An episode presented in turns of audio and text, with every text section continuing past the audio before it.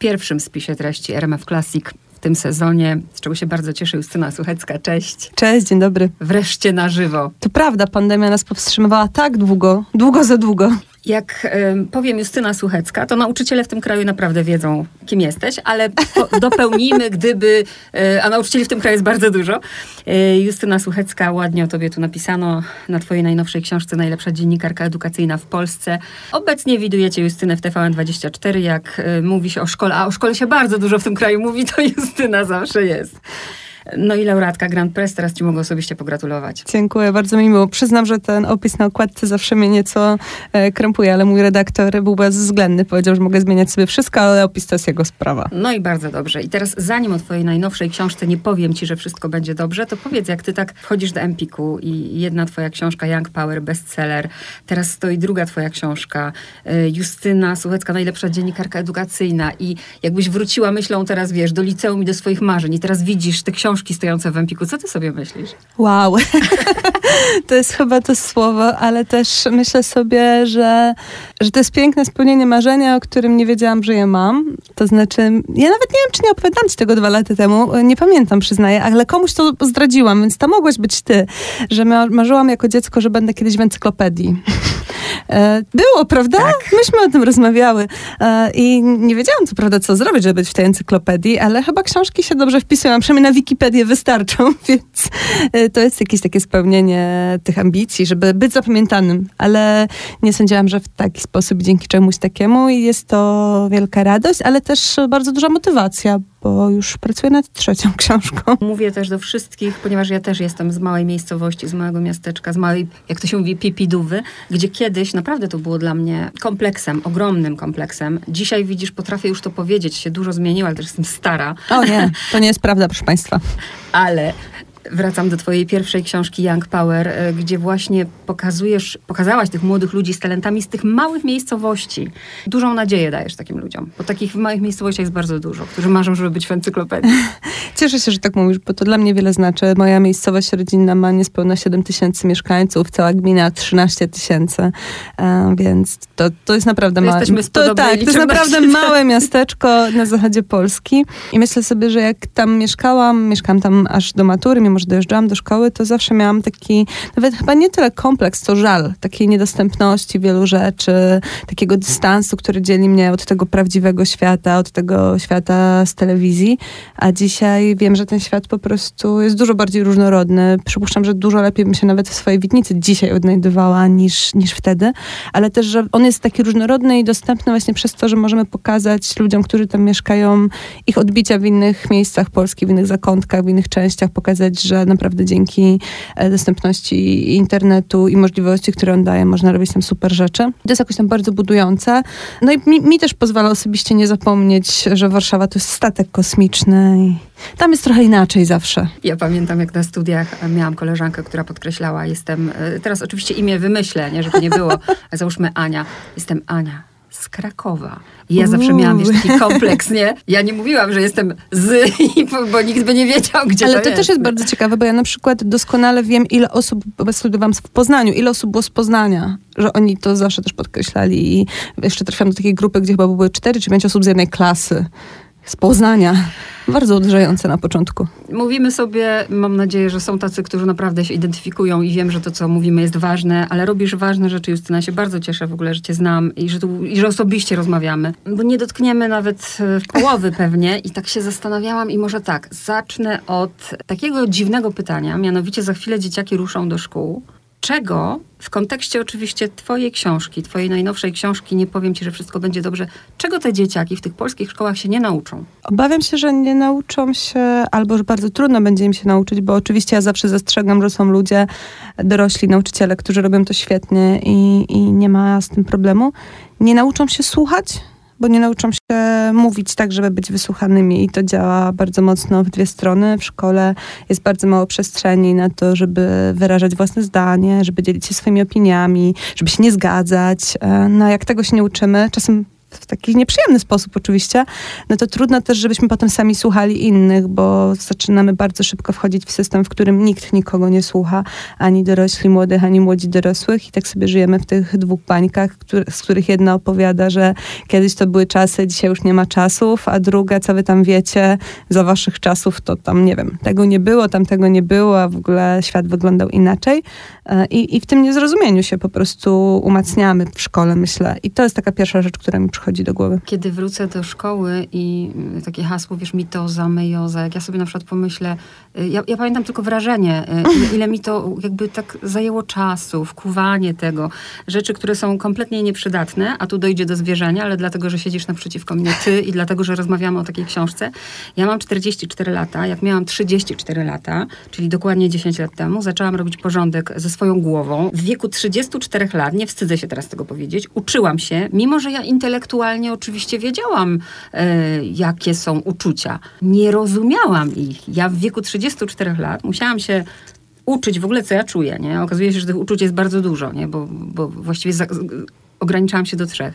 I tak pomyślałam, że tego się te dzieciaki nie nauczą. Ja od tych dziesięciu lat mówię, to powinno być nie, że psychologia, nie taki przedmiot psychologia, tylko właśnie, nie wiem jak nazwać nawet ten przedmiot, że tego się powinniśmy uczyć to też wynika, że się ze mną zgadzasz z twojego wstępu, prawda? Bo sama napisałaś, że gdybyś to wszystko wiedziała wcześniej, za zaoszczędziłabyś sobie wielu problemów. Czyli nie nauczą się tego w ogóle, co czują. To na pewno i będą bardzo zamykać się na to, żeby w ogóle o tym mówić. Ja trafiłam na terapię, kiedy miałam lat 30. To było coś dla mnie bardzo zmieniającego życie, ale myślę sobie też po tym, co robię zawodowo na co dzień, że ostatnio rozmawiałam z Marią Banaszek, autorką świetnej książki Highland, jak ćpają nasze dzieci dzieci. I ona powiedziała, że jej pacjenci, e, osoby, którymi się zajmuje, znają dwie emocje, ok? I łagodna wersja kijowo, wiadomo, że jest to trochę bardziej y, mocne słowo. I to nie jest o nich, to jest w ogóle o nas wszystkich, że właśnie tak się uczymy. Czujesz się dobrze albo źle, bo w szkole było fajnie albo nie fajnie. Nie pogłębiamy tego, nie idziemy za tym dalej, nie znamy, nie umiemy nazwać tych emocji, więc już nawet nie to, że ich nie, czu nie, nie czujemy, ale też, że nie potrafimy z nimi nic zrobić. Zresztą dla mnie było to szokujące jakoś w zeszłym roku, a może już w tym roku, pisałam tekst o współczesnych analfabetach, czyli o analfabetyzmie funkcjonalnym i właśnie nieumiejętność nazwania emocji, tego co odczuwamy, jest jedną ze składowych tegoż stanu, więc jak się nad tym zaczynamy zastanawiać, no to wystarczy rozejrzeć się dookoła, żeby zobaczyć, że to jest dosyć powszechne. W szkole tego nie uczymy, też dlatego, że szkoła jest po to, żeby ją, przepraszam, nie chciałam, żeby tak było, trochę, żeby ją przetrwać, więc nie ma tam miejsca na to, żeby mówić o swoich słabościach. Jak się je odkrywa, to zawsze z jakiejś strony jest przechlapane, bo a to nauczyciel powie, że chłopcy się nie marzą, a to koleżanka ci powie, że e, musisz być twarda i inni mają gorzej. I te wszystkie rzeczy, w których myśmy się w szkole wytrenowały, myślę, że to jest doświadczenie e, ludzi w naszym wieku, one dalej tam są, bo metody się mogły zmienić, mogły się zmienić podstawy programowe, one się tak zmieniają u nas dosyć często, ale założenie, że szkoła jest e, miejscem do przetrwania się niestety nie zmienia i już e, ostatnia, e, ostatnia piłeczka w tym koszyczku, kiedy parę lat temu robiłam wywiad z Przemkiem Sadurą, tu znów świetna książka Szkoła, Państwo Szkoła Klasy. On miał tam takie badania, jak zachowują się Polacy w Wielkiej Brytanii pod kątem edukacji. Tym, co najbardziej mnie uderzyło, to właśnie to, że badał przede wszystkim e, klasę ludową, mówiąc fachowo, że ludzie, którzy w Polsce nienawidzili szkoły, uciekali od szkoły, najbardziej byli zszokowani tym, jak polskie dzieci Wielkiej Brytanii kochają brytyjską szkołę. Ona jest strasznie selekcyjna, my to wszyscy wiemy. Potem tam, jak się nie ma pieniędzy, to nie jest tam najlepiej, ale na tym pierwszym etapie edukacji to jest takie miejsce, które te dzieci kochają, bo się rozwijają, bo rozmawiają, bo lekcje są zawsze w tych samych godzinach, bo zadań domowych nie ma, bo wszystko jest w szkole i ktoś nie ma lepszego cyrkla, ktoś gorszy, bo wszyscy dostają to ze szkoły i to wszystko sprawia, że zaczyna się tworzyć przestrzeń, gdzie się emocje nazywa, gdzie się lubi przebywać. Niestety u nas zbyt wiele osób nie lubi przebywać w szkole, a ona jest bardzo, bardzo ważnym miejscem, bo ja osobiście uważam, że o ile niewielki mamy wpływ na to, jako, no i nawet ja jako dziennikarka, że nie wszyscy mają szczęście do rodziców, o tyle mogę mieć duży wpływ na to, czy wszyscy będą mieli szczęście do szkoły. I to jest to ogniwo, które mimo wszystko łatwiej naprawić niż dom. A jak mówisz o tej brytyjskiej szkole, to też y, tam jak uczeń podejdzie do nauczyciela i powie how are you, prawda? Jeszcze właśnie to nie ma tej bariery, mówimy do siebie po imieniu, to nauczyciel wchodzi w dyskusję. Jak wyobrażam sobie ucznia, który podchodzi i się pyta, jak się pani czuje, co u pani, to uwaga w dzienniku, nie od razu. A widziałam takiego TikToka ostatnio, jak to ewidentnie było jakieś liceum, jak dzieciaki z Polski Polski właśnie e, robiły tak, że podchodziły do swoich nauczycieli, nie dość, że mówiły do nich po imieniu i widać, że większość z nich w ogóle nie, wiedzie, nie, wie, nie, nie wie, co się dzieje, ale właśnie cześć Mariola, jak się dzisiaj masz? I większość z nich reagowała właśnie wspaniale, reagowała uśmiechem takim, widziała, że coś tu się dzieje z tą komórką i jest jakiś podstęp, ale zareagowali na ten podstęp w fajny sposób, więc to się da zrobić, tylko trzeba chcieć. Swoją drogą to musiała być bardzo fajna szkoła, że ten tak. uczeń czuł się na tyle bezpiecznie, że mógł powiedzieć, hej Marian, jak ci mija dzień. Tak, bo ten kim ma dwa końce i tak ja już czuję po prostu po tych e, 10 minutach, że spokojnie 24 mogłybyśmy rozmawiać i temat byłby niewyczerpany. No słuchaj, ty też się znasz na edukacji, więc... E, aż tak wiesz, tak wzdycham ciężko, bo to jest wszystko takie ważne. W wielkim skrócie, albo i nie w wielkim skrócie, jak chcesz, bo wiadomo, że na antenę pójdą fragmenty, ale mam nadzieję, że będą tacy, którzy y, posłuchają tego podcastu w całości. I tu już pozostawiam tobie wybór, czy chcesz wszystkich dopieścić, czy nie, ale może i by trzeba było. Powiedz, e, kim są bohaterowie, bohaterki, bohaterowie twojej książki? Postaram się nikogo nie zgubić, mhm. opowiadając o grupach tak naprawdę bohaterów i bohaterek, bo to jest 18 historii, ale takich często zbiorowych. To nie są tylko pojedyncze osoby i to są zarówno osoby, które mierzyły się z kryzysem zdrowia psychicznego, kiedy były młode lub bardzo młode i dzisiaj opowiadają o tym, jak ten kryzys pokonały lub jak ciągle z nim pracują, bo kryzys to jednak jest coś, co potrafi być ciągłe, potrafi być częścią składową naszego życia. To są osoby, które pracują z młodymi, doświadczającymi kryzysów, e, terapeutki, psychiatra, pedagogzka szkolna, bardzo szeroko, bo to mogą być bardzo różne osoby. I wreszcie taka trzecia grupa, którą jeszcze cały czas nie do końca potrafię nazwać, mimo że już często o tej książce mówię, to są ludzie, którzy po prostu pokazują, że zdrowie psychiczne jest ważne i ono jest ważne bez względu na to, ile masz lat, skąd jesteś, czy czujesz się dzisiaj wyśmienicie, czy, czy bardzo źle i że trochę o nie dbamy tak jak, nie wiem, myjemy zęby codziennie, tak? Uczymy się tego już w przedszkolu, to ze zdrowiem psychicznym e, też tak jest i na przykład takim bohaterem jest Filip Bednarek, bramkarz Lecha Poznań, który po prostu opowiada o tym, jak się szykuje do meczu, co robi, kiedy się stresuje, jak medytuje, a co robił, jak ma kontuzję, bo trochę jest tak, że wszyscy doświadczamy takich rzeczy w życiu. Wszyscy doświadczamy kryzysów, tylko inne są, jedne są bardziej intensywne, drugie mniej. Książka zaczęła się od tak naprawdę od dwóch spotkań trochę równolegle i wtedy jeszcze nie wiedziałam, że będę tę książkę pisała. Pierwsza to jest historia, która otwiera książkę i to jest Tomek Bilicki, terapeuta, nauczyciel wiedzy o społeczeństwie z e, Łodzi, który jest takim niesamowitym człowiekiem, bo z jednej strony jest e, wykwalifikowanym terapeutą i ma tam po prostu tyle tytułów, że biogram zająłby pół książki. Mówię to zupełnie nieironicznie, z pełnym podziwem, ale jest też nauczycielem wiedzy o społeczeństwie, więc to mu daje wspaniały ogląd, bo z jednej strony ma tych swoich ósmoklasistów na bałutach, a z drugiej opowie opowieść z gabinetów i on uczy um, takiej pierwszej pomocy psychologicznej, czegoś, co każdy z nas robi.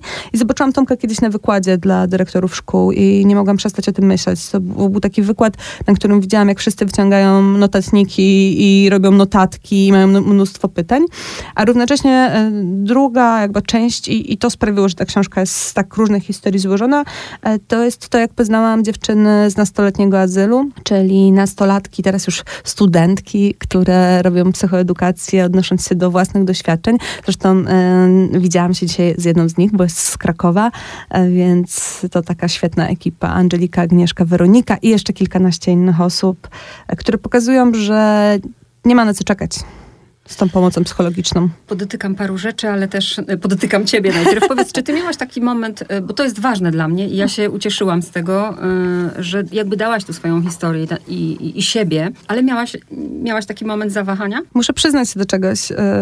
Ta osobista historia wylądowała w książce trochę przez przypadek, dlatego że ja oczywiście z osobistych pobudek, właśnie z doświadczenia długotrwałej bezsenności, z korzystania z pomocy psychiatry, psycholożki, czułam potrzebę napisania takiej książki, bo tego się nie da oddzielić, ale kiedy myślałam o wstępie, to bardziej myślałam o takim wstępie, który trochę, zabrzmi to źle, ale zdejmie ze mnie odpowiedzialność, to znaczy starałam się podkreślić w pierwszej wersji, to trochę zostało, ale nie okazało się clue, że ja nie jestem terapeutką, ja nie jestem psycholożką, ja jestem skromną ekonomistką, dziennikarką z zawodu, zajmuję się szkołą i ja oddaję głos osobom, które są mądrzejsze ode mnie. Ale ten wstęp się nie udał. Znaczy on został napisany, został nawet zredagowany, a nawet mój redaktor mówił, że jest spoko, ale wydarzyły się później różne rzeczy, które sprawiły, że ja go przepisałam i podzieliłam się swoim doświadczeniem. I cieszę się, że tak się stało. To nie było dla mnie trudne z takiego powodu, że ja dużo o tym mówiłam.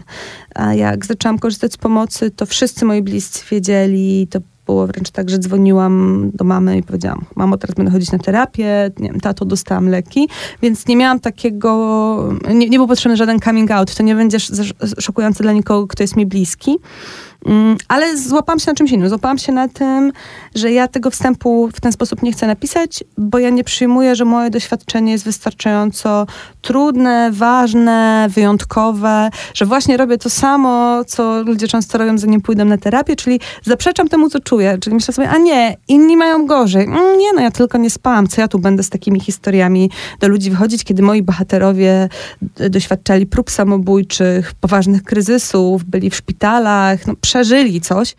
I jak się złapałam na tym, że sama tak myślę i sama tak mówię, to uznałam, że dobra, to jest ten moment, w którym mówię stop, muszę to napisać najprościej jak się da, bez jakiegoś wielkiego wchodzenia w szczegóły, ale pokazać, że to też jest kryzys, to też jest ważne i że to jest ten moment, w którym my powinniśmy reagować, a właśnie nie koniecznie ten, kiedy już jest naprawdę bardzo, bardzo źle i że jeżeli będziemy częściej wyłapywać te drobne historie, to właśnie kilka tygodni problemów ze snem, brak apetytu, e, nerwowość, trzęsące się ręce i wiele, wiele, wiele innych rzeczy, które nasze ciało nam mówi, że są nie tak z nami, e, to będzie łatwiej. I, i dlatego napisanie na koniec tego wstępu, napisałam go już, kiedy książka była e, gotowa, właściwie chwilę przed zesłaniem jej do drukarni, było takie bardzo uwalniające. Nie było właśnie ulgą wyznania, tylko ulgą takiego pokazania też sobie, że okej, okay, to jest fair wobec ciebie, to jest fair wobec swoich bohaterów i bohaterek, ale przede wszystkim czytelników i czytelniczek, żeby oni zauważyli, że to też jest o nich. To jest bardzo ważne, bo tak jak, mm, tak jak mówisz, to, to zostało, o co ci chodziło,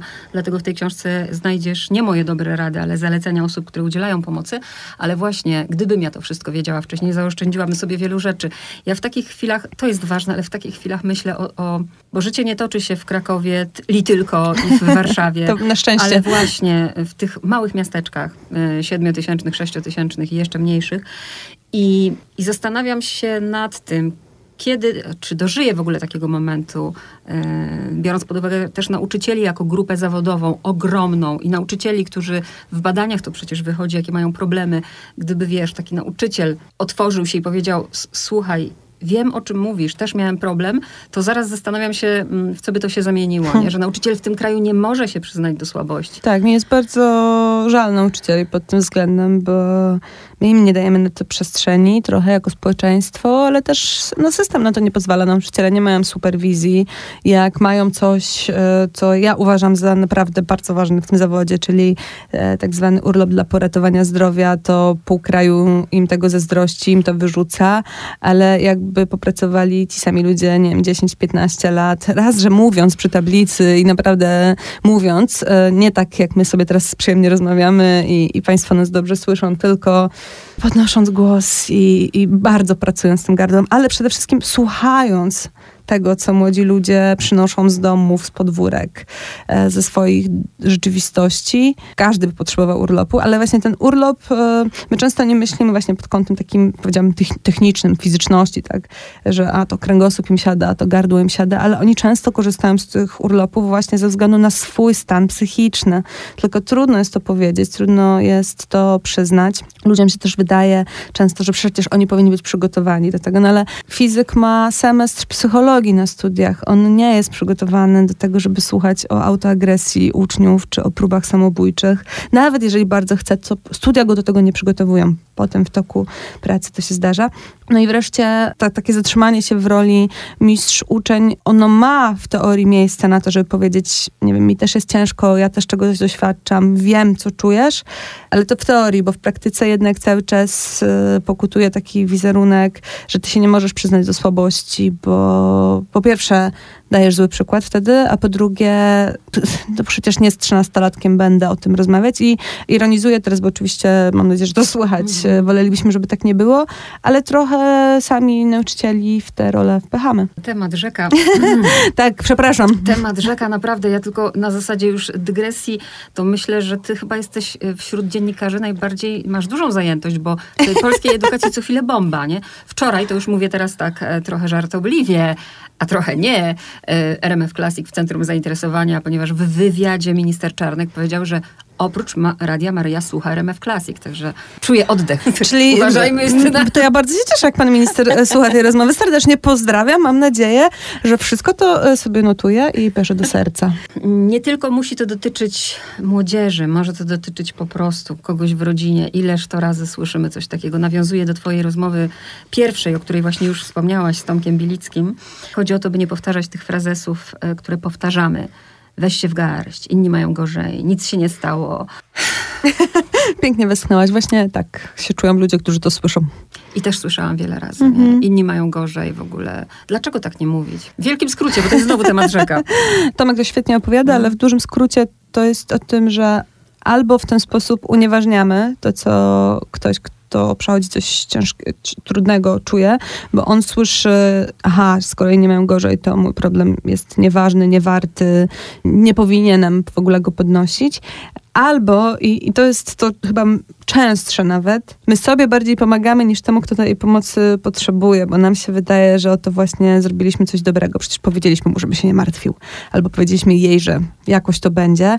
Tymczasem ta sama osoba tak naprawdę potrzebuje usłyszeć coś, co może wydawać się równie wyświechtane, ale brzmi zupełnie inaczej. Jestem tu dla ciebie, możesz dla mnie liczyć, możesz do mnie zadzwonić w każdej chwili, możesz mi powiedzieć, czego potrzebujesz, zastanówmy się razem, czego potrzebujesz. To, co naprawdę powinno paść, to zachęcenie właśnie do interakcji i zapewnienie, że jesteśmy, i to jesteśmy tak bardziej właśnie niż, nie martw się tego, to tak z cyklu nastoletnich problemów, tego kwiatu jest pół światu. Znaczy nikt nigdy, kto miał 14 lat, nie został pocieszony tym, że ktoś mu powiedział, że każda potwora znajdzie swego matora i tak dalej, i tak dalej. Mamy dużo w ogóle w języku takich zwrotów, które powinny być zakazane, tylko nam trudno jest to przyjąć. Drodzy dorośli, czasem jak macie coś powiedzieć, to lepiej nic nie mówcie, e, bo jak wszystko będzie dobrze, to właśnie tu pięknie Tomek to mówi. A co jak nie będzie, nie? Tak. A co jak nie będzie? Nie możemy tego obiecać nikomu. Oczywiście. E, I tu też, wiesz, Justyna, powoduje, że bardzo mam ochotę się zwierzać, ale to jest w ogóle też his- historia niesamowita.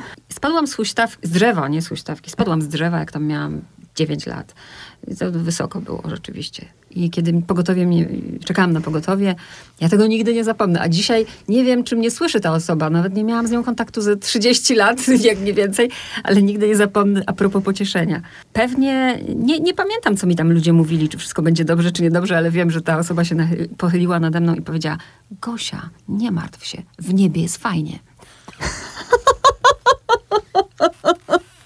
Okej, mocne, To mocne. było bardzo mocne, ale wiesz, dzisiaj z tej perspektywy to mnie śmieszy. Tak, ale... wtedy to musiało być takie wow. Tak. Chyba nawet do mnie nie dotarło, ale wspominam to jako. Także lepiej czasem rzeczywiście nic nie mówić tego typu komentarzy. Czasem trzeba posiedzieć obok po prostu, Po prawda? prostu posiedzieć obok. Powiedz, bo za każdym twoim rozdziałem znajdują się różne rzeczy. Czasem to są, e, zbierasz to, co najważniejsze w rozdziale. Czasem właśnie podstawowe reguły pomagania. Czasem wykaz szkół, które są przyjazne LGBT. Mm, jakby powiedz troszkę o kompozycji tej książki.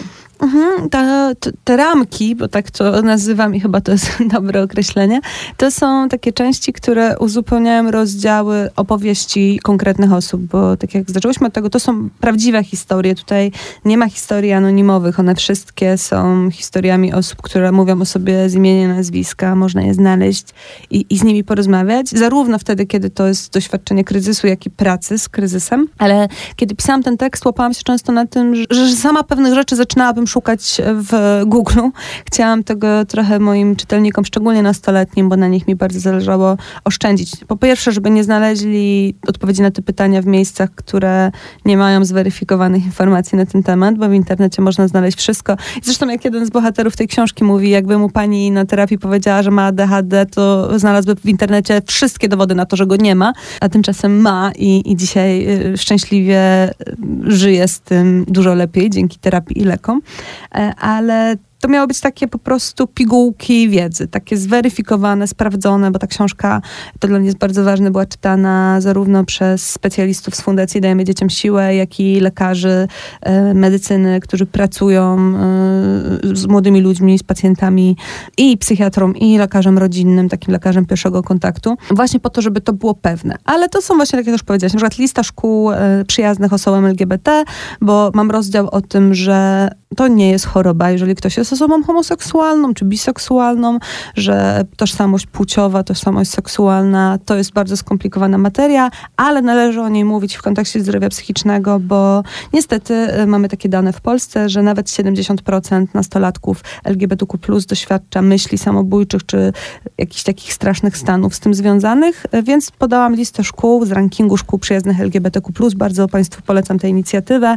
Się rozrasta z każdym rokiem, jest ich coraz więcej, właśnie żeby pokazać dobre przykłady, żeby każdy mógł sobie zobaczyć, że takie miejsca są w każdym zakątku Polski. Zresztą już po publikacji książki udało mi się pojechać z Dominikiem Kucem, który jest bohaterem tego rozdziału, do Bogu Chwały, to jest pod Rzeszowem, gdzie jest najbardziej przyjazna szkoła LGBTQ+, na Podkarpaciu. I muszę przyznać, że to jedno, jedno z najfajniejszych reportaży, jakie napisałam w życiu, a trochę już w mediach pracuję. Ja też, widzisz, zaznaczyłam sobie ten rozdział, bardzo go lubię i byłam w szoku, bo spodziewałam się, że ja tutaj będę tylko miała Warszawa, Warszawa, Warszawa, Warszawa, Warszawa. A wygrywa Dąbrowa Górnicza. Tak, znaczy także wygrała naprawdę. wtedy. W tym roku wygrał Poznań. Mhm, Coś, coś pięknego.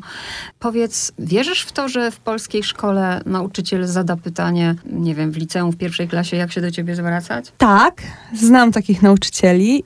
Nie jest ich bardzo wielu, ale, ale są. Ale też mam dla tych, którzy boją się takiego pytania, czy boją się formy, poradę. Zresztą poradę, którą usłyszałam u siebie w pracy. Mieliśmy takie szkolenie dotyczące właśnie przyja- miejsc przyjaznych e, osobom z mniejszości, osobom LGBTQ+. I że na przykład coś, co bardzo ułatwia nawiązanie dyskusji, choćby o tym, jak się zwracać, to jest to, że sami zaczynamy. Cześć, nazywam się Justyna Suchecka. Pro- możecie do mnie mówić ona jej. Nawet jeżeli osoba, która ma problemy czy trudności związane z zaimkami, nie jest pewna, jakich chciałaby używać, czy poszukuje siebie, jeszcze nie będzie gotowa, żeby wam powiedzieć, że one są inne niż mogłoby się wam wydawać, to ona już dostała sygnał, że ty jesteś taką osobą, której można zaufać, która rozumie w ogóle, że jest e, taki temat, a to nic nie kosztuje. To jest naprawdę jedno zdanie e, i nauczyłam się tego dopiero niedawno. Staram się to stosować wtedy, kiedy się przedstawiam w jakichś takich publicznych spotkaniach, na przykład z młodzieżą, bo sporo się z nimi spotykam i myślę, że to, to, że to jest przyszłość, że ja wiem, że niektórzy uważają, że to jest wydziwianie, że to jest problem, ale kiedy zetkniemy się z osobą, której to bezpośrednio dotyczy, możemy posłuchać jej doświadczeń, jej świadectwa, to naprawdę trudno jest nie przyznać, że to jest ważne. Bardzo dobrze, że użyłaś tego słowa wydziwianie, bo tak właśnie często ludzie myślą. I ja wracam i serce mnie boli naprawdę y, do tego, co się wydarzyło, no kiedy to było? Parę miesięcy temu. Tego lata to było. y, Lipiec, kiedy prezes Kaczyński, Jarosław y, wypowiedział to zdanie, mm, prawda? I, y, I cała sala się śmiała. Ja tylko ten śmiech pamiętam. Ja już nawet nie pamiętam, co on dokładnie powiedział, o tym, że pięć minut y, jestem Jarkiem, a pięć minut później jestem Zosią. Ale pamiętam ten śmiech. Tutaj się wtedy tak, taki pesymizm we mnie rodzi. No i wtedy, wiesz, nie wierzę w tą zmianę. Ja w nią wierzę, dlatego że następuje od dołu, następuje wśród osób młodych. Jeżeli popatrzymy na badania na temat ich otwartości na świat, na różnorodność, ich światopoglądu, no to raczej nie są to dobre dane dla prezesa Kaczyńskiego, ale dobre dla nas, bo jeżeli oni będą w ten sposób z szacunkiem podchodzić do innych, no to my w końcu też będziemy musieli. Ten świat się zmienia też po to, żebyśmy my się musieli zmienić. Ale zawsze jak em, myślę sobie o tej historii, powiedziałaś o tym śmiechu, to ja sobie przypominam to, co zacytowałam w książce, czyli bardzo mocną i, i polecam Państwu, żeby to zobaczyć, po prostu kampanię Fundacji Dajmy Dzieciom Siłę na temat e, między innymi homofobii. I tam jest taki tekst, kiedy siedzi dwóch chłopaków, oni chyba grają w grę, jeden do drugiego mówi, a co ty robisz, jak gdzieś pada homofobiczny żart? I tam pada najlepsza odpowiedź na świecie. To znaczy ja mówię, ty się śmiejesz, a ktoś się boi z domu wyjść. I pamiętam, że jak to zobaczyłam, to się naprawdę popłakałam, jak widziałam pierwszy raz ten spot, bo on jest e, tak bardzo w punkt, że my sobie nie zdajemy sprawy z konsekwencji słów, które wypowiadamy. Nam się wydaje, że to jest niegroźne. Sama słyszę czasem od znajomych, a mam znajomego geja i on też się z tego śmieje. To jest zupełnie inna relacja wtedy, kiedy jesteśmy w jakichś swoich bezpośrednich e, znajomościach, kiedy wiemy, na co możemy sobie pozwolić, niż wtedy, kiedy publicznie śmiejemy się z rzeczy, które dla kogoś naprawdę mogą być traumatyczne. Plus, szczerze mówiąc, e, mam wrażenie, że rzadko pytamy tych naszych znajomych, co do, i mówimy, że oni też się śmieją, albo oni tacy nie są, albo ich to nie dotyczy. Czy rzeczywiście tak jest, czy nie jest to przypadkiem nasze wyobrażenie tego, jak oni się z czymś czują, a ich śmiech to tylko maska, na przykład dlatego, że jest im przykro. Tak, przypomniałaś mi to zdanie, właśnie nad nim się zatrzymałam. Jeszcze raz je powiedzmy, ty się śmiejesz, że ktoś się boi wyjść z domu. Feminatywy. Wydawałoby się, że a, feminatywy to już, to co to tam w ogóle nic.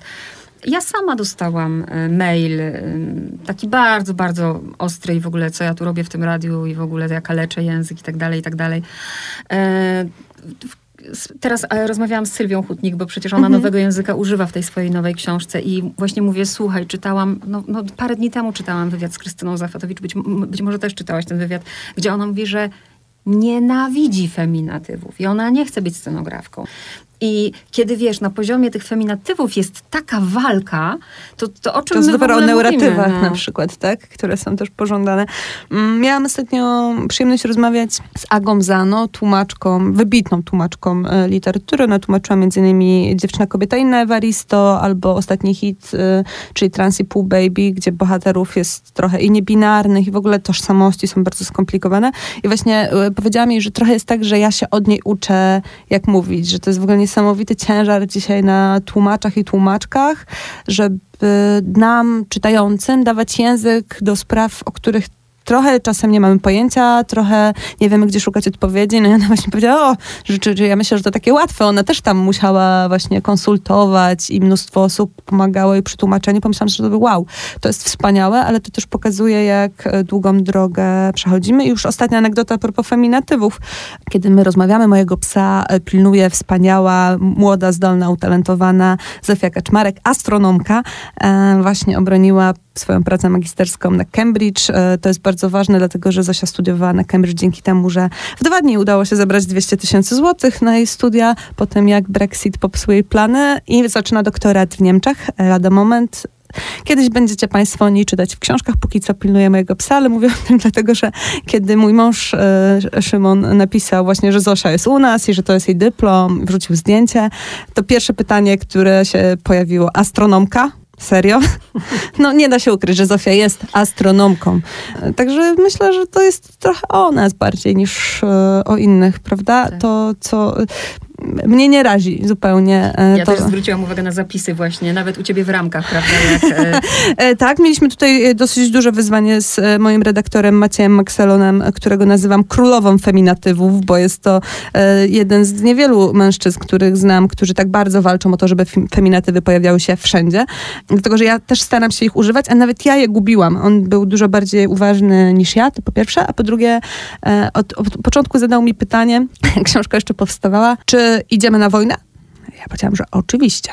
I, I mam nadzieję, że żadnego feminatywu nie zgubiłyśmy, ale na pewno są wszystkie te psychiatrki, psycholożki, pedagogzki i jeszcze parę innych e, specjalistek, e, które nazywają się tak, jak się powinny nazywać po polsku. trochę liczb. Em, powiedz, no na pewno jesteśmy z tej samej epoki, y, przynajmniej y, nie pamiętam w mojej szkole psychologa, higienistka była. Była higienistka, tak. Zaimponował mi y, Dominik Wolanin, E, Mikołaj. Mikołaj. Mikołaj, tak, tak, tak. E, bo co innego mówić, że w każdej szkole powinien być psycholog, a co innego po prostu wziąć i zebrać e, 100 tysięcy podpisów. Powiedz, jaką masz wiedzę, a, a propos liczb, jak to wygląda? Tutaj e, jesteśmy właśnie w takim bardzo ważnym momencie, dlatego że do tej pory to są dane Najwyższej Izby Kontroli. Psycholog był w co drugiej polskiej szkole. Z pedagogami było trochę lepiej. Powiedzmy, że tam w co trzeciej go nie było. To oczywiście jest statystyka, która jest ułomna, bo mówimy o tym, że psycholog jest w szkole nawet wtedy, kiedy jest przez godzinę w tygodniu. Nie są to pełne etaty i praca od rana do wieczora. Ale mówię, że jesteśmy w przełomowym momencie, dlatego że to jest pierwszy rok szkolny, w którym Ministerstwo Edukacji znalazło dodatkowe ponad 700 milionów złotych na zatrudnianie specjalistów i specjalistek w szkołach. Brakuje ich. Kiedy rozmawiamy, brakuje ich pewnie jeszcze z parę tysięcy i oni się cudownie nie znajdą i nie, rozmro, nie rozmnożą i żadna czarodziejska różka tutaj nie pomoże. I będzie ich brakować, ale to jest pierwszy raz tak wyraźnie wysłany sygnał przez ministerstwo jakiegokolwiek rządu przez ostatnich kilkanaście lat, tak, to jest problem. To jest sygnał, tak, nawet my widzimy, że coś tu jest nie tak, że pandemia była bardzo trudnym, bolesnym momentem dla bardzo wielu młodych osób, że coś trzeba z tym zrobić. Oczywiście pojawiają się takie głosy, jak głos Małopolskiej Kuratory Światy, która mówi, że no jak ci e, psychologowie e, studiowali na tych lewackich uczelniach, to ona im nie wierzy i, tak dalej, i tak dalej, ale co do zasady, e, jest to jedna z nielicznych spraw, e, co do których w edukacji wszyscy są zgodni. Z tym trzeba coś zrobić, to trzeba szybko poprawić, są już na to pieniądze. To nie będzie łatwe, dlatego że e, to są szkolne pieniądze, to znaczy psycholog w szkole jest nauczycielem de facto, czy pedagog w szkole jest nauczycielem. Oni zarabiają bardzo mało, wszyscy to wiemy, mam nadzieję, i nie będziemy się posiłkować e, niestworzonymi danymi o 11 tysiącach złotych i innych tam e, przejęzyczeniach ministrów między brutto a netto, e, więc trudno jest znaleźć psychologa za te pieniądze. Psycholog, który za prywatną wizytę dostaje kilkakrotnie więcej niż za pracę w szkole, będzie się musiał dobrze zastanowić, e, czy do tej pracy w szkole pójdzie. Niemniej e, to się będzie zmieniać. I są takie apele. Tomek Bilicki, którego już tutaj wspominałyśmy, więc pieką go uszy. E, widziałam go kiedyś na jednym z takich wystąpień, kiedy zwracał się do swoich kolegów i koleżanek po fachu, że gdyby mogli choć kilka godzin swojej pracy dobrze płatnej przeznaczyć szkołom, to to będzie ważne.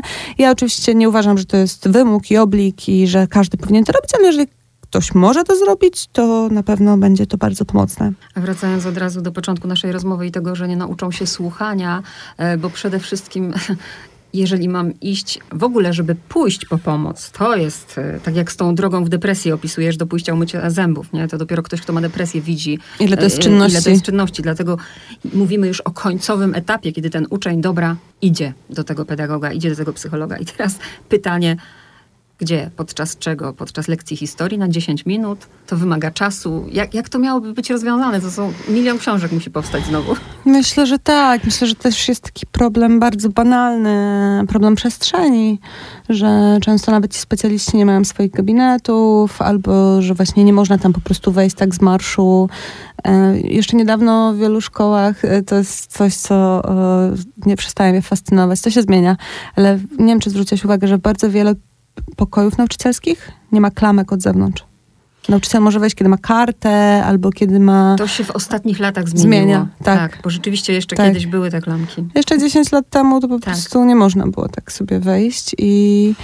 No oczywiście ja rozumiem, z czego to wynika, ale też mm. buduje bariery tak. między uczniami i nauczycielami, bardzo wyraźna. Mm, ale na przykład z drugiej strony przybywa e, szkół, gdzie są szklane drzwi, żeby można było zobaczyć, co się dzieje w klasie i to ma swoje wady i zalety, ale jest ciekawym rozwiązaniem.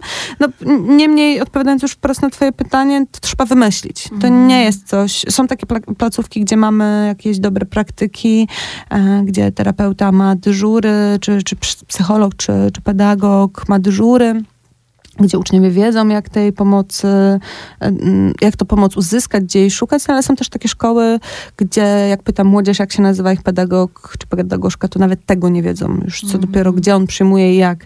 E, więc myślę, że jest duża praca przed nami, po prostu wszystkimi to, co właśnie robisz, nazwałabym, mm, ale pozytywnie, bo wiem, że to hasło, to hasło też już przy, przybrało. Yy, bo jest teraz. Dobra praktyka. E, bo wiesz o co, o co chodzi. O to chodzi, że nawet jeżeli, no podam przykład, moja siostrzenica jest teraz, będzie teraz w klasie maturalnej. E, Powodzenia. Ode mnie otrzymała twoją pierwszą książkę Young A. Power i kiedy um, pomachałam jej, wiesz, na Instagramie, że, że mam, to wiesz co, to już jest super, że ona mówi, tak słyszałam, że to jest o, dobre. Wiesz, to, to nie, to jest największa jest nagroda. To jest w ogóle... Jeszcze nawet jej nie miała, dostaniesz. Ale że, że właśnie o to chodzi, nie? żeby ludzie łapali tę książkę i żeby na przykład nikt z dorosłych nie powiedział, bo pójdziesz do psychiatry. Albo do pedagoga za karę.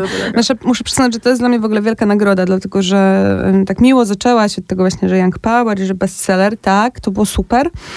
Ale Young Power to jest łatwa książka do kupienia dzieciom. To znaczy, drogie dziecię, masz tam 12 lat, 15, 9, to jest taka książka, tu są tacy fajni bohaterowie, oni robią takie fajne rzeczy, ty też jesteś taki super, albo jesteś taka super, zobacz, popatrz, to ty, ty jesteś Young i jesteś Power.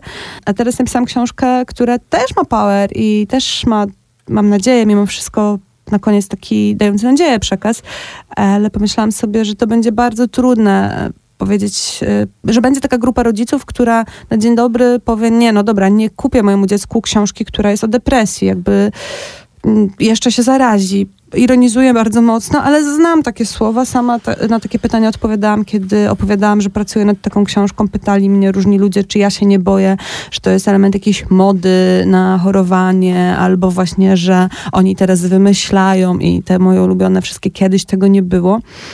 I oczywiście e, za, trochę się bałam, że to się wpisze w jakiś taki niekorzystny nurt, ale co do zasady mam głębokie przekonanie, że to nie jest żadna moda, żadna fanaberia i żadne wydziwianie, już drugi raz używam tego słowa, tylko realny problem, o którym oni w przeciwieństwie do nas po prostu trochę lepiej mówią, czy mają język, żeby o tym mówić. I największą nagrodą jest to, że prawdopodobnie dalej jest sporo rodziców, którzy nie kupią takiej książki, ale że dostaje na Instagramie i na TikToku mnóstwo wiadomości od młodych osób, które same sobie tę książkę kupiły ze swojego kieszonkowego albo właśnie zażyczyły sobie tej książki. I nie mówię tego teraz takim sprzedażowym ujęciu, bo to jest oczywiście bardzo miłe, jak książka się sprzedaje, ale takim, że, że udało się osiągnąć to, o czym tak naprawdę najbardziej marzyłam. To znaczy, żeby nawet jak dorośli zawiodą, zawiodą, to żeby młodzi potrafili sobie tę książkę pożyczać, przekazać. Wiem, że trafiła do wielu bibliotek i zresztą do bibliotek zapraszam i zachęcam, nie musicie jej kupować, żeby wam pomogła. W bibliotekach na was czeka i, i to jest jedna z tych książek, co do których jestem przekonana, że nikomu nie zaszkodzi, że zrobiliśmy wszystko tak, że ona nikomu nie zaszkodzi. A ja się zwracam do y, nauczycieli. Tak jak mówiłyśmy, nie powiem ci, że wszystko będzie dobrze, lepiej nie mów nic. Tak samo, drodzy nauczyciele, błagam, nie mówcie swoim uczniom, musicie przeczytać tę książkę, bo nie, nie, to zadziała to po nie. prostu, wiadomo, odwrotnie. Nie wolałabym, nie, dziękuję. Więc też nie róbcie kreciej roboty. Wszystko jest w głowie. Filip Bednarek, świetna w ogóle rozmowa i, i, to, i to jest do nas, to nie jest tylko do młodych ludzi. Ja nawet jak, jak teraz powiedziałaś o Young Power, to pomyślałam, że właśnie tam są talenty, a w tej książce jakby E, ludzie, pokazuję wam, co zrobić, albo co możecie zrobić, żeby te talenty mm, wyciągnąć, nie? Bo wszystko jest w głowie. To, co y, dorosły człowiek potrafi zrobić, to zresztą pokazujesz swoimi bohaterkami. Wystarczy, że ktoś powie, mm, nie, nie będziemy dokładnie przytaczać historii, ale powie, ale jesteś pulchna i nie ma pojęcia, że może zrobić taką krzywdę, że zacznie się historia pod tytułem zaburzenia odżywiania na całe życie, prawda? Tak, od niewinnego, ale masz okrągłą buzię. Tak. Ale to, co powiedziałaś o, o, tych talentach, to rzeczywiście trochę tak jest. Przy Young Power to było jedno z najczęstszych pytań. A co zrobić z tymi, którzy właśnie nie mają tej pasji, nie mogą jej znaleźć, nie mają siły jej realizować itd., tak itd. Tak ja nie znałam odpowiedzi na to pytanie i trochę ta książka jest odpowiedzią. Zresztą ja się teraz śmieję, że to są dwie strony tej samej kasety, strona A i strona B i ma kilka takich punktów bardzo bezpośrednich bezpośredniego przeszycia, bo na przykład e, w Young Power jest Iga Świątek, nie powiem ci, że wszystko będzie dobrze, jest Daria Abramowicz, czyli psycholożka Igi. Zresztą to było zupełnie nieplanowane w pierwszej książce, że Iga mi właśnie o Darii opowiadała. Ja nie wiedziałam, idąc na, na rozmowę z nią, że to będzie rozdział o pomocy psychologicznej w sporcie i Daria się zgodziła opowiedzieć o swojej stronie, ale takie drugie przeszycie i to jest chyba coś, co mnie najbardziej porusza, to jest to, że w Young Power poznaliście historię Janka Gawrońskiego, czyli nastolatka z Łodzi, osoby w spektrum autyzmu, samorzecznika osób e, w spektrum, najfajniejszego po prostu aktywisty, jakiego w życiu poznałam. Przepraszam wszystkich innych aktywistów, też was kocham, ale sorry, Janek wygrywa wszystkie konkursy. I chwilę przed tym, kiedy Young Power się ukazało, Janek wymyślił sobie, że zrobić coś takiego, co nazwał Klubem Świadomej Młodzieży. I to jest miejsce, gdzie młodzi ludzie z Łodzi mogą się spotkać i pogadać, porobić fajne rzeczy. Nie być w terapii, nie być w szkole, tylko właśnie na przykład zrobić sobie spotkanie o pasjach albo pójść razem do muzeum. E, takie kluby teraz działają też już w Kole i w... Nie, źle, tak, w kole. I w, e, pod Włocławkiem w Kowalu. E, Kłótno, to nie koło. Kłótno, mm -hmm. Kłótno i Kowal i Łódź. Ale mam nadzieję, że będzie ich więcej. No i z kolei Klub Świadomej Młodzieży opisałam, nie powiem ci, że będzie dobrze. Do klubu nie wszystko będzie dobrze. Tak, Dobra? Do, do klubu wrócimy, ale jeszcze chcę właśnie o, Weron o Weronikę Snok zapytać, bo powiedz, jak wygląda taki proces, że ty mm, no, przekonujesz Weronikę, żeby podzieliła się tak trudną historią, żeby ona znalazła się w książce, żeby czytały ją miliony? Hmm. Bardzo trudne pytanie. Ja myślę, że to jest trochę tak, że miałam przewagę tego, że zanim one ze mną rozmawiały, to mogły się trochę mi poprzyglądać, że jestem aktywna w mediach społecznościowych, że można znaleźć moje teksty, zobaczyć, co robiłam i że to jest spójne, że to nie jest tak, że ja przyszłam teraz i sobie wymyśliłam, że napiszę książkę o zdrowiu psychicznym, bo to modne i potem jakoś to będzie, tylko że to są osoby, które już zawsze będą w moim życiu, ja głęboko w to wierzę. Zresztą właśnie przed naszą rozmową widziałam się z Agnieszką, czyli inną z dziewczyn z nastoletniego azylu, ale te ich opowieści, Weroniki, Agnieszki, Angeliki, mm, myślę, że są takie szczere też dlatego, że ja na każdym etapie, akurat historia Weroniki jest tutaj najlepszym przykładem, zaraz powiem dlaczego, podkreślam im, że w każdej chwili mogą się wycofać, że wszystko, co mi powiedziały, mogą zmienić, że ten tekst to jest ich tekst, ja go piszę, okej, okay, ja to umiem robić, ale że, będzie, że będą miały czas, żeby sobie pomyśleć, e, co będzie z tym tekstem dalej. I akurat e, z Weroniką miałam takie szczęście, że siedziałyśmy i czytałyśmy ten tekst na głos zdanie po zdaniu. I u mnie w domu, w takich bardzo komfortowych warunkach, ona wtedy u mnie spała, coś tam robiła innego w Warszawie i żeśmy sobie po prostu myślały o tym, co różne słowa zrobią, co robią dzisiaj jej jaki jest cel tego rozdziału, co jest szczególnie ważne, bo ona opowiadała o swoich doświadczeniach nastoletnich. Dzisiaj jest już studentką, studiuje pedagogikę. Mam nadzieję, że kiedyś będzie nauczycielką, bo super się nadaje do pracy z dziećmi. I ona chyba najwięcej ze wszystkich zmieniła. Dlatego, że ona miała cały czas poczucie, co niektóre słowa dla nas nic nieznaczące, czy dla nas neutralne robiły jej, kiedy ona miała kilkanaście lat, na przykład słowa dotyczące autoagresji. Mm, ale też e, miałyśmy taką historię i chyba ona pokazuje najwięcej. Ja jej starałam się powiedzieć, ale myślę, że ona też to czuła, że ta historia nie jest po to, żeby się rozliczyć z kimś konkretnym, że różni ludzie źle ją potraktowali po drodze, nie zachowali się tak, jak powinni, ale częściej dlatego, że nie wiedzieli, nie dlatego, że byli źli albo że chcieli jej zaszkodzić. I jedna z takich historii dotyczyła nauczycieli w jednej ze szkół, do których Werka chodziła. I żeśmy ją złagodziły, przedstawiły tak, żeby była sprawiedliwa. To znaczy ja, e, ja mówię Weronika, Weronika czuła, że coś było krzywdą i było nie fair, ale nie wiem, nie rozliczała nikogo z nazwisk, nie wskazywała palcem, nie mówiła, będziesz smażył się w piekle, tylko po prostu powiedziała, co ona czuła.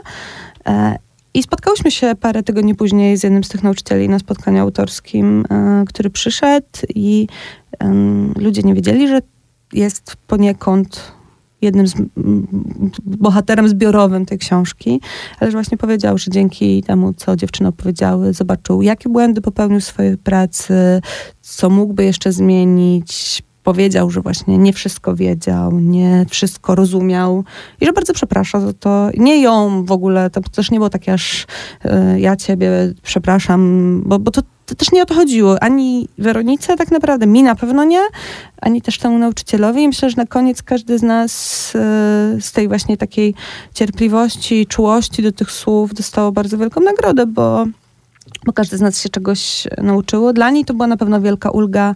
Myślę, że dla tego człowieka to była ulga, a dla mnie to była taka nagroda, bo pokazała, że wszyscy wyciągniemy z tego jakąś lekcję. Ja też wychodziłam z założenia, to mnie, ktoś mnie o to ostatnio zapytał, że ja nie oskarżam tutaj dorosłych, nie oskarżam nauczycieli, yy, specjalistów, którzy nie dali rady, rodziców.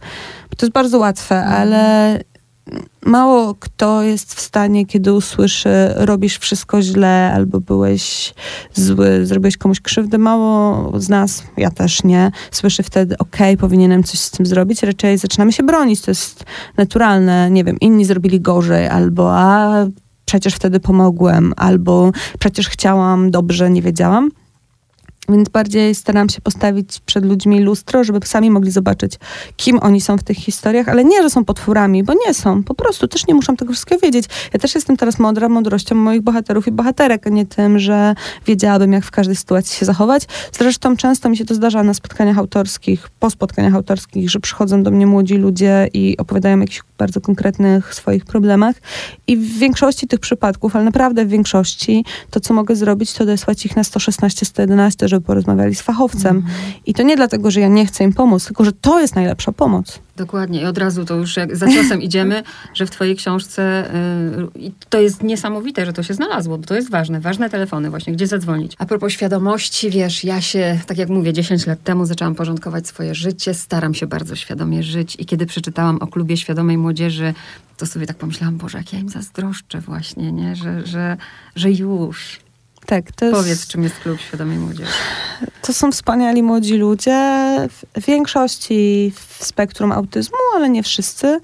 Um, dlatego, że ja chciałam się od nich dowiedzieć, co to znaczy być w spektrum autyzmu. To znów to kolejny przypadek, w którym nie piszę o chorobie.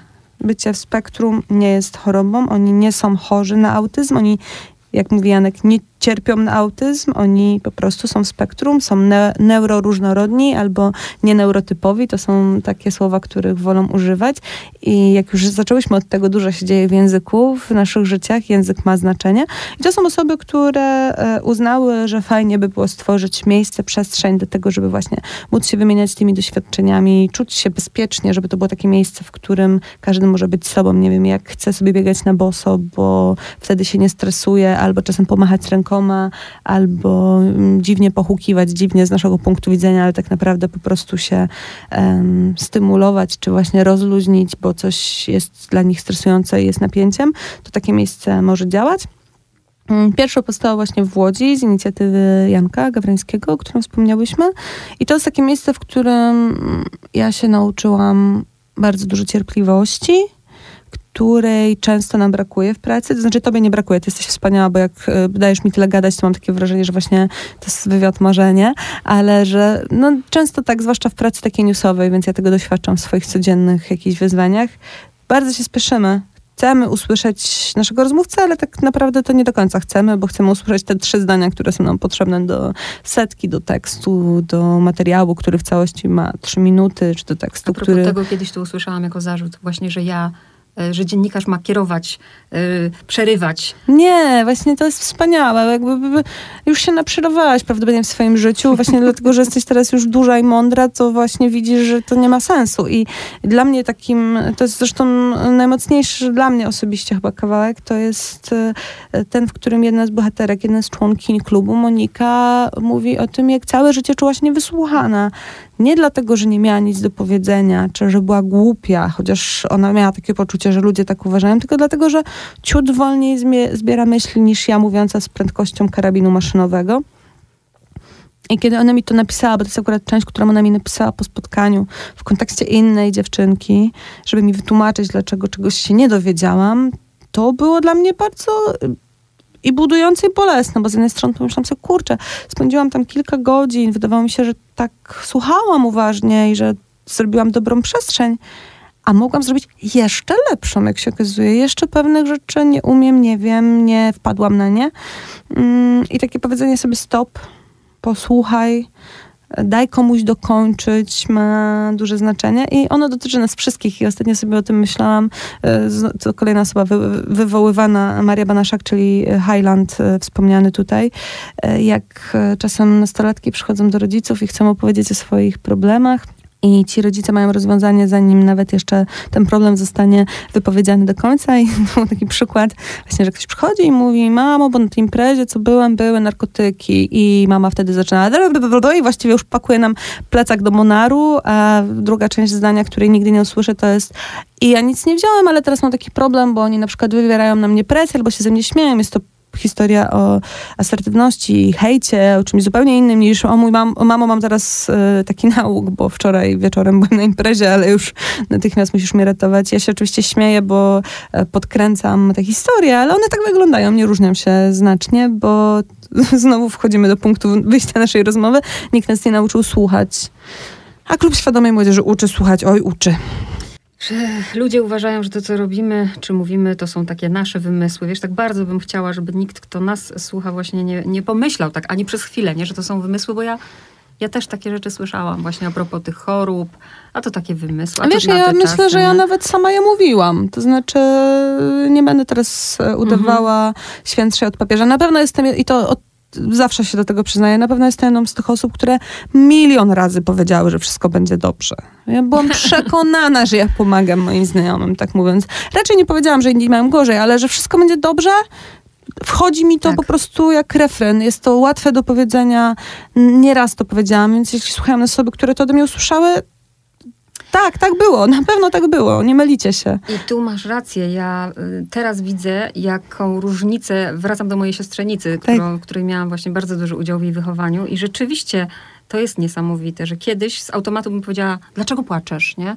Tak. E, a teraz umiem powiedzieć i się tego nauczyłam, nie jestem taka mądra właśnie, widzę, że jest ci smutno. Tak, to jest wszystko lekcja, którą możemy odrobić, jeśli będziemy chcieli. I, i trochę tak jest właśnie z tymi dziwactwami. To też znowu Monika, ona tak świetnie opowiada o tych rzeczach, e, jak tłumaczy nieneurotypowość, tak? Czyli, że jeżeli osoba neurotypowa mówi, że przeszkadza jej hałas, to przyjmujemy to jako, no tak, no może trzeba ściszyć muzykę, ale jeżeli ktoś w spektrum mówi, że przeszkadza mu hałas, to zaczynamy o tym myśleć, o jakimś dziwactwie. Ona to dała na bardziej obrazowym przykładzie tymianku, tak? Jak ty czy ja mówimy, że nie wiem, nie lubimy tymianku, to wszyscy mówią, no nie lubi tymianku, ale jak ktoś e, właśnie w spektrum, ktoś w ten sposób wyjątkowy powie, że nie lubi tymianku, no to o mój Boże, znowu te problemy, a jakby nie mógł jednak zjeść tego tymianku. No i to jest skrajnie znowu jakoś tak wynaturzone, ale do tego się to wszystko sprowadza, do tego, czy przyjmiemy, że inni ludzie mają inaczej niż my. Długo bym mogła, godzinę prawie gadamy i mam nadzieję, że jesteście z nami. Powiedz Justyna, co to dla ciebie jakbyś tak, ale biorąc pod uwagę, nie, nie, że tam puszczamy wodze wyobraźni. Jesteśmy w takim kraju, w jakim jesteśmy, w takim roku, w jakim jesteśmy. Co to by było dla ciebie, y, będzie, będzie dobrze? Jak byś chciała, żeby było dobrze, to jak?